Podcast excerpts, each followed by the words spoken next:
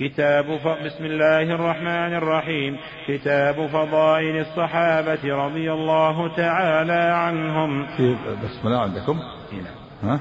معروف انه آه، هذه الرسالة في الكتب كتاب البخاري رحمه الله. ذكر البسملة في كل هذا طبعا في بسملة هنا تكلم عليها؟ لا. المعلق. المحقق نعم. نعم. حدثني زهير بن حرب وعبد بن حميد وعبد الله بن عبد الرحمن الدارمي قال عبد الله أخبرنا وقال الآخران حدثنا حبان بن هلال قال حدثنا همام قال حدثنا ثابت قال حدثنا أنس بن مالك رضي الله عنه أن أبا بكر الصديق رضي الله عنه حدثه قال نظرت إلى أقدام المشركين على على رؤوسنا ونحن في الغار فقلت يا رسول الله لو أن أحدهم نظر إلى قدميه أبصرنا تحت قدميه فقال يا أبا بكر ما ظنك باثنين, باثنين الله ثالثهما؟ حدثنا عبد الله بن جعفر بن يحيى بن خالد قال حدثنا معا قال حدثنا مالك عن أبي النضر عن عبيد الله عن عب عن عبيد بن حنين عن أبي سعيد رضي الله عنه أن رسول الله صلى الله عليه وسلم جلس على المنبر فقال عبد خيره الله بين أن يؤتيه زهرة الدنيا وبين ما عنده فاختار ما عنده. فبكى أبو بكر وبكى وقال فديناك بآبائنا وأمهاتنا. قال فكان رسول الله صلى الله عليه وسلم هو المخير وكان أبو بكر أعلمنا به. وقال رسول الله وهذه من فضائل من فضائل أبي بكر رضي الله عنه. من فضائله الصحبة الخاصة. حيث صحب النبي صلى الله عليه وسلم في الغار صحب في في الهجرة من مكة إلى المدينة وكان معه في الغار. هذه منقبة عظيمة ليست لغيره لم تكن لعمر ولا لغيره. قل إذ يقول لصاحبه والصحابة كلهم أصحابه لكن صحبة خاصة لا تحزن إن الله معنا. وهذه معية خاصة تقتضي الحفظ والنصر والكلاءة والتأييد. فالمعية معيتان معية خاصة ومعية عامة. والمعية العامة الله تعالى مع الناس كلهم. المؤمن والكافر معهم باطلاعه وإحاطته ونفوذ قدرته ومشيئته. يقول تعالى وهو معكم أينما كنتم. وقول يستخفون من الناس ولا يستخفون الله وهو معهم. قل ما يكون من نجوى ثلاثة إلا هو ثلاثة إلا هو معهم. هذه معية عامة وتأتي في سياق المحاسبة والمجازات والتخويف وتكون للمؤمن والكافر وتقتضي الاطلاع والإحاطة ونفوذ القدرة والمشيئة. أما المعية الخاصة فهي خاصة بالمؤمن وتأتي في سياق المدح والثناء مقتضى الحفظ والنصر والكلاء والتأييد كما في هذه لا تحزن إن الله معنا. وقول ما ظنكم بشيء الله ثالثهم هذه معية خاصة وقوله سبحانه إنني لموسى وهارون إنني معكما أسمع وأرى. هذه المعية الخاصة. فلما جاء معهم فرعون جاءت المعية العامة إنا معكم مستمعون. إنا معكم مستمعون. لما دخل فرعون مع موسى وهارون صارت المعية عامة. قوله إن الله مع الذين اتقوا والذين هم محسنون. إن الله مع الصابرين. هذه معية خاصة. هذه صحبة خاصة معية خاصة منقبة خاصة لأبي بكر. ومن مناقبه ما ميزه الله به من العلم.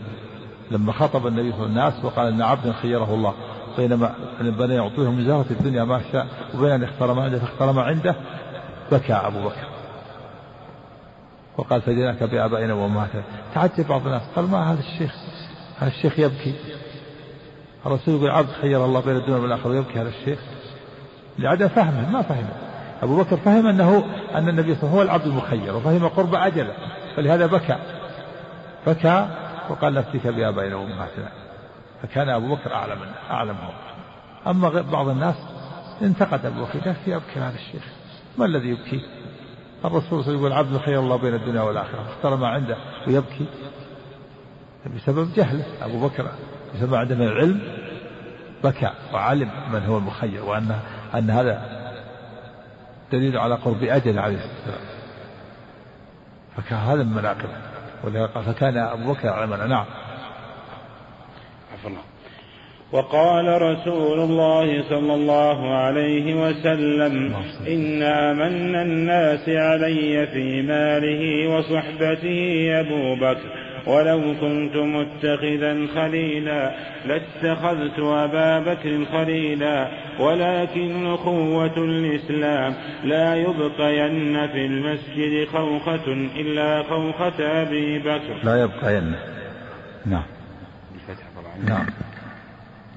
لا يبقين في المسجد خوخة إلا خوخة أبي بكر. حدثنا والخوخة هي الباب الصغير.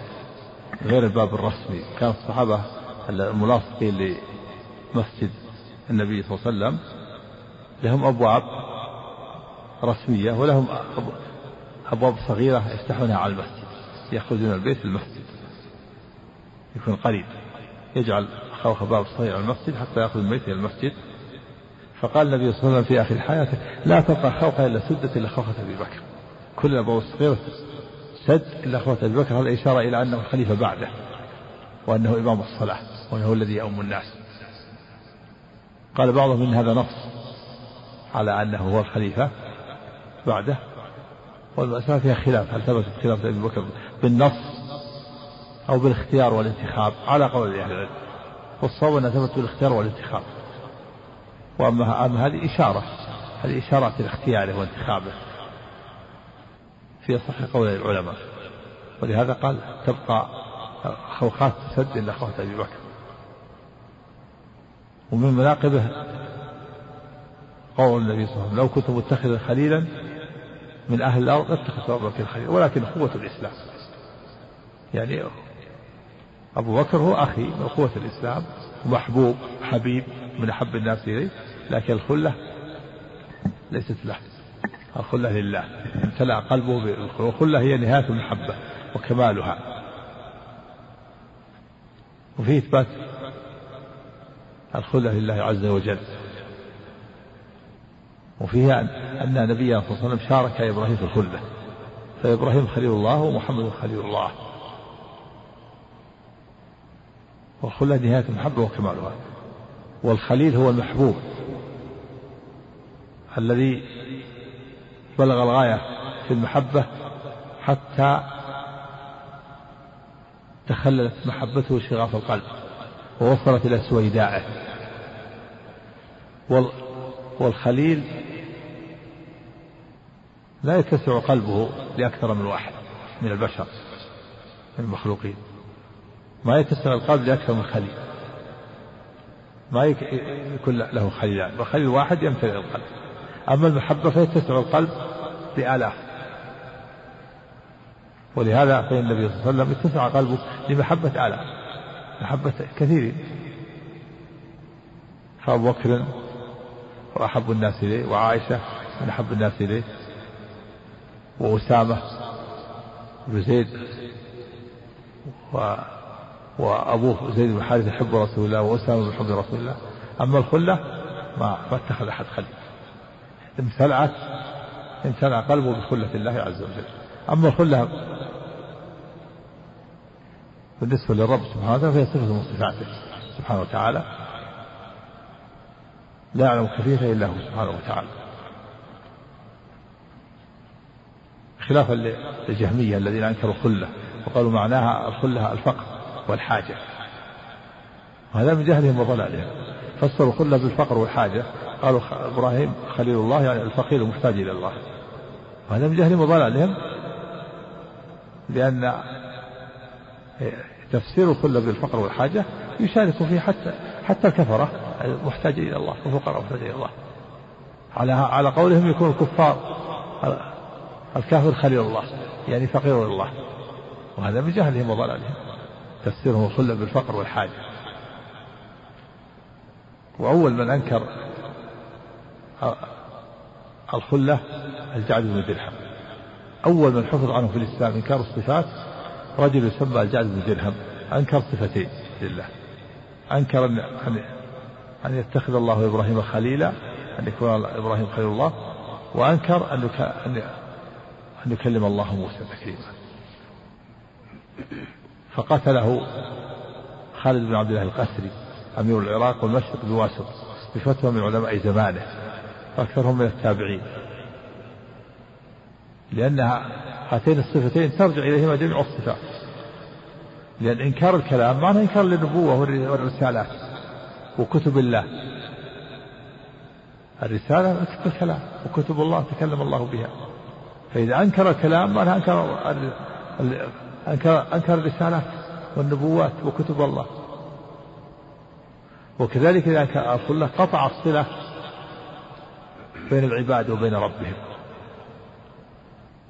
فلهذا أفتى العلماء بقتله فقتل خالد بن عبد الله القسري وذبح ذبح الشاة في يوم عيد الأضحى. كان خالد بن عبد القسري على عادة أمره ليصلي بالناس العيد. صلى بالناس العيد وجاء بالجعد مقيدا موثوقا وجعل تحت أصل المنبر وصلى بالناس ثم خطب وقال في آخر الخطبة ضحوا تقبل الله ضحاياكم. فإني مضح بالجعد بالدرهم. فإنه زعم أن الله لم يتخذ إبراهيم خليلا ولم يكلم موسى تكليما.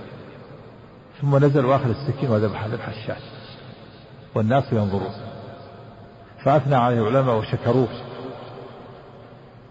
ومن ذلك قول ابن القيم رحمه الله في الكافية الشافية ولذا ضحى بجعد خالد القسري يوم ذبائح القربان إذ قال ليس إبراهيم خليله كلا ولا موسى كلمة داني شكر الضحية كل صاحب سنة لله درك من أخي قرباني. ولا شك أن هذه الضحية تفوق الضحايا في الأجر والثواب لأنها الضحية هي قطع لداب الشر والفساد لكن هذا الرجل لم يمت حتى اتصل به شخص آخر قوله جهم بن صفوان وأخذ منه هذه العقيدة الخبيثة وأخذ أيضا الجهم أيضا من غيره. ثم نشر هذا المذهب الخبيث وانتشر ونسب إلى الجهم بن صفوان فقيل مذهب الجهمية والأصل أنه قال مذهب الجعدية لأن مؤسس العقيدة الصلاة الجعد. ولكن لما قتل الجعد قبل أن ينتشر وانتشر والذي نشره هو الجهم نسبت نسب المذهب إلى الجهم. نعم. يعني قال فديناك بآبائنا وأمهاتنا. ف... نعم غير الرسول لا, لا يفتى. قال بعضهم إلا إذا كان كافر إذا كان كافر يفتى لكن مسلم ما ما يفتي أحدا يقدم على أبويه غيره. والرسول صلى الله عليه وسلم مقدم على محبة النفس والآباء والأمهات قال افتك بآبائنا وأمهاتنا. وحدثنا سعيد بن منصور قال حدثنا فليح بن سليمان عن سالم أبي النضر عن عبيد بن حنين وبسر بن سعيد عن أبي سعيد الخدري رضي الله عنه قال خطب رسول الله صلى الله عليه صلى الله عليه وسلم الناس يوما بمثل حديث مالك.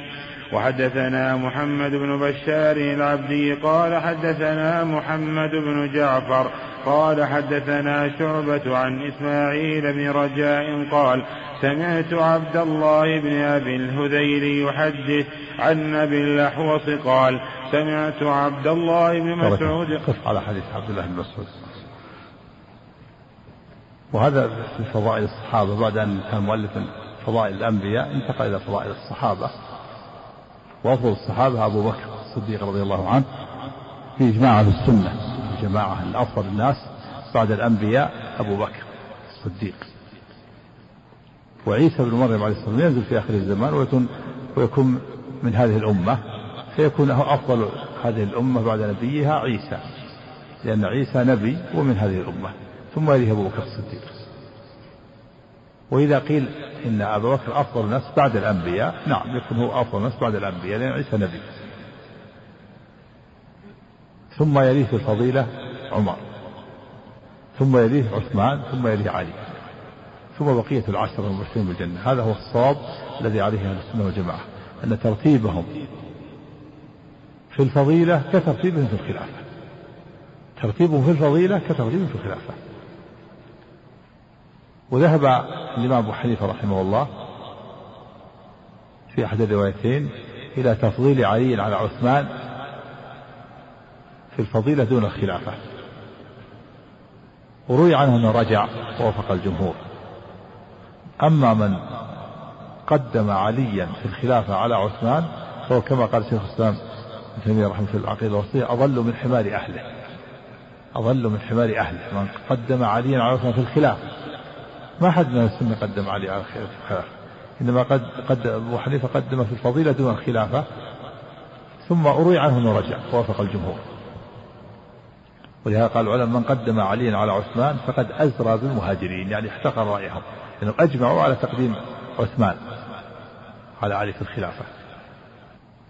وذهبت الرافضة إلى أن أفضل الصحابة علي بن أبي طالب وذهب بعضهم إلى أنها أفضل أفضل العباس. بعضهم قال أفضل جعفر.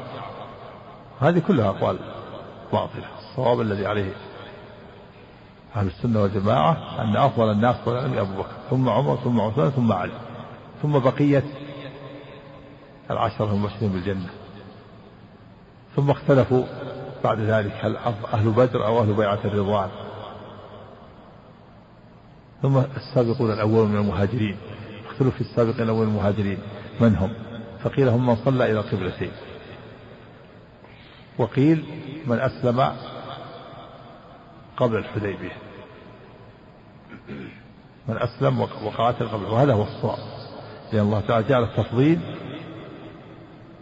بالسبق والجهاد قبل الحديبية. حد فاصل الحديبية.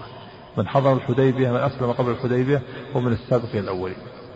ومن أسلم بعدها فليس من السابقين. قال الله تعالى لا يستوي منكم من أنفق من قبل الفتح وقاتل.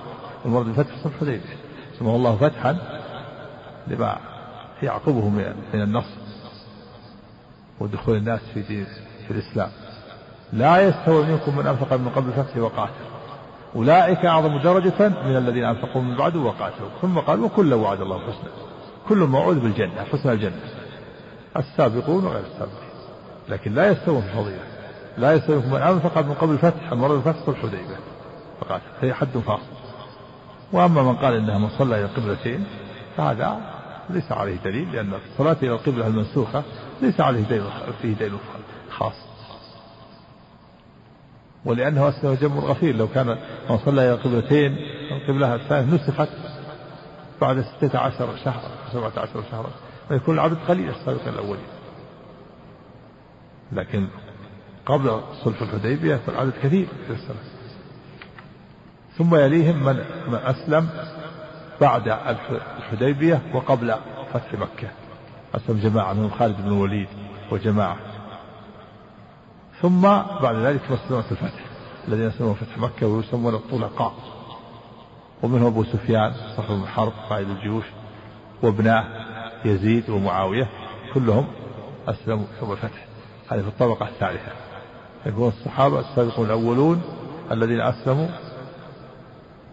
قبل الفتح قبل صلح الحديبية. ثم الذين أسلموا بعد صلح الحديبية ثم مسلمة الفتح الذين أسلموا فتح مكة وهم الطلقاء. وعمر رضي الله عنه لما صار بالجيش لما وقع الطاعون في الشام استشار الناس. استشار السابقون الأولون ثم استشار الأنصار ثم استشار مسلمة مشيخة قريش ومسلمة الفتح هل يرجع أو أو يقدم على الوباء؟ معروف القصة في هذا. في الصواب أن أفضل الناس أبو بكر بعد الأنبياء ثم عمر ثم عثمان ثم بقية العشرة المبشرين بالجنة ثم أهل بدر أو بيعة الرضوان على الخلاف هم السابقون الأولون ثم من أسلم بعد الفتح ثم مسلمة الفتح. نعم. الله عنك إذا كان إنسان جنب أو حائض أو نفاس. نعم. نعم. إذا كان إنسان جنب أو حائض أو نفاس هل يحق لأحد من هؤلاء أن يقرأ مثل حديث حديث موسى عليه الصلاة والسلام؟ نعم. لا بأس. كتب التفسير تقرأ ولو في آيات؟ هذا الممنوع الجنوب هو الجنوب أو الحائض أو مس قصدك مس المصحف. لا قراءة مثل هذا الحديث الذي فيه آية. القراء لا لا الآية لا يقرأ الآية لا يقرأ فأما الجنوب فلا ولا آية. لا لا يقرأها. أما المس يمس لأنه لا لا, لا يسمى قرآن إذا كان تفسير. لكن له الجنوب قد يقرأ الآية على أنها ذكر ربنا في الدنيا حسنة على أنها ذكر لا على أنها آية لا بأس. نعم.